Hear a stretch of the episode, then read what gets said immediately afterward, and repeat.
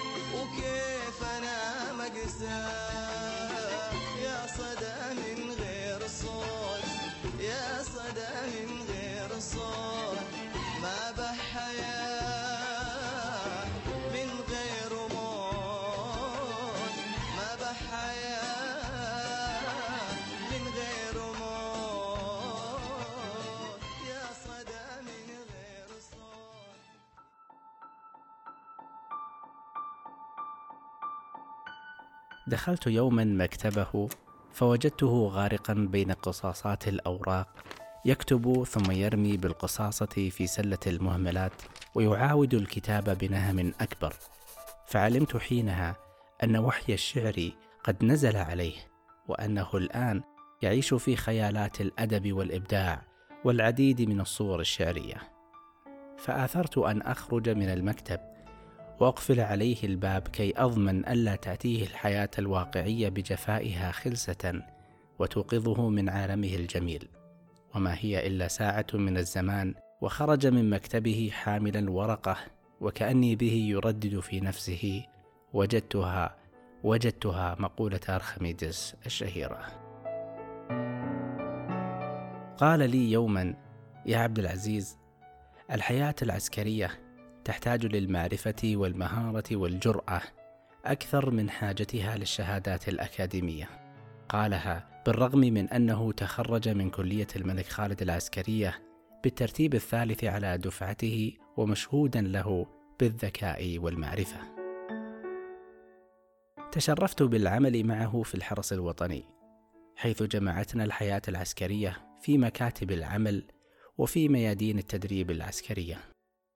خرجنا يوما في منطقة التدريب العسكري والذي امتد لخمسة أيام متواصلة وفي إحدى الليالي اجتمعنا مع بقية الزملاء في الخيمة الرئيسية وتجاذبنا أطراف الحديث إلى أن انتهى بنا المطاف إلى سرد الشعر. وكان من بيننا عدد ممن يقرضون الشعر فأخذوا يرددون على مسامعنا بعضا من قصائدهم والتي تنوعت بين الحكمة والتغني بالوطن وبالطبع الكثير من القصائد الغزلية حيث سكون الليل وصفو السماء ولمعان النجوم وبريق القمر. لاحظته منصتا لكل ما قيل ولم يستجب لطلبنا منه إنشادنا بعضا من قصائده. وعند استعدادنا للنوم كنت أشاركه خيمة المبيت فسألته عما حدث ولماذا لم يشاركنا؟ فقال الزملاء حديثي عهد بالشعر فأحببت أن أترك لهم فرصة الحضور الشعري وألا ألفت الأنظار لي. فعرفت حينها أن مساعد الرشيدي يتمتع بإحساس الإنسان في الشعر وبإدراك العاقل في المجالس وبتواضع الكبار بين الصغار.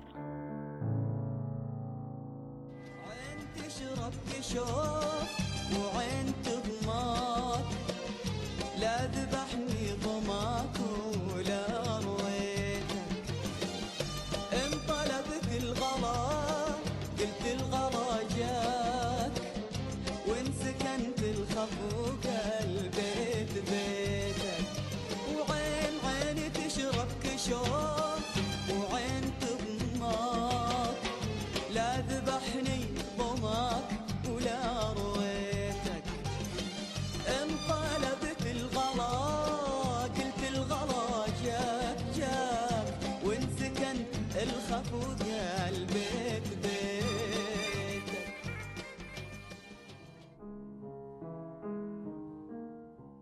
ولد مساعد بن ربيع الرشيدي في مدينة الدمام للعام 1382 للهجرة. وقضى أولى فترات طفولته في الكويت ودرس في خميس مشيط وبها أنهى المرحلة الثانوية حيث كان والده يعمل في الجيش. ثم التحق بكلية الملك خالد العسكرية في الحرس الوطني وتخرج ضابطا بتخصص المدفعية. وتدرج في الرتب العسكرية حتى وصل إلى رتبة عميد وحاز على لقب سيف العشق في مراتب الشعر. كيف اطفي الريح بثيابك وكيف أشعلك؟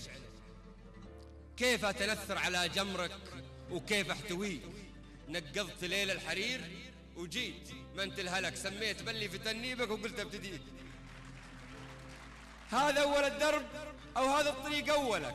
جيت أتوقع عذابات المدى واهتديك شوقي مسافة وهمساتك مدار وفلك. إن ما ضميتك غلا يعلني مرتويك يعرفك وأعرف إني من غلاك أجهلك. مرات أضمك وأخاف إني مشبه عليك. اعرفك وأعرف إني من غلاك أجهلك. مرات أضمك وأخاف إني مشبه عليك مرات أشوفك بنفس الوقت وأتخيلك. وانشد كفوفي عن آخر سالفة من يديك أعن لك لو تصب الموت وأتهيلك واجوع لك وأتمنى خنجرك وأشتيك ما قلت لك. عمر سيف العشق ما قلت لك ما تشوفني حي قدامك وأنا أموت فيك.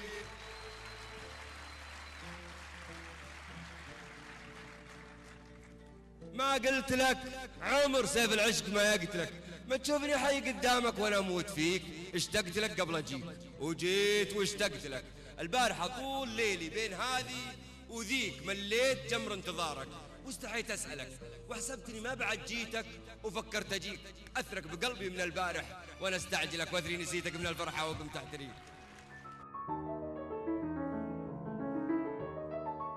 قال عنه الأمير بدر بن عبد المحسن مساعد شاعر جميل. وموهوب ويعجبني فيه حالة الطرب في إلقائه للقصيدة مما ينم عن حالة حب بين الشاعر وكلماته.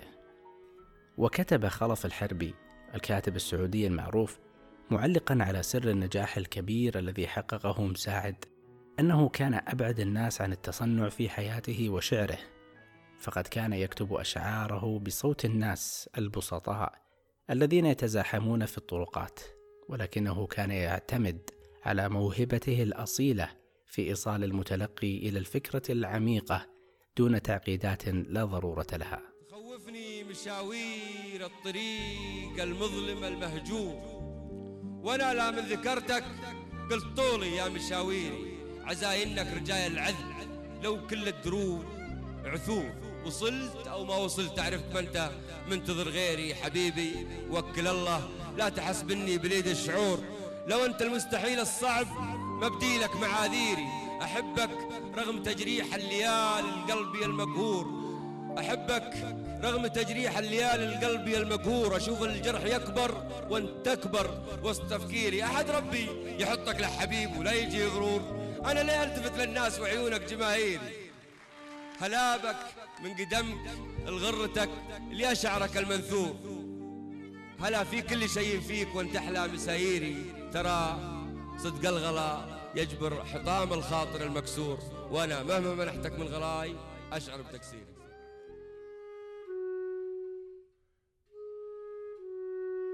ابتعث للدراسة في الولايات المتحدة الأمريكية وهناك حيث الغربة والحنين للوطن. أنشد شعرا جاوز حدود المسافات الشاسعة وعبر القارات ليستقر في أذهان الناس ويردده كل مغترب.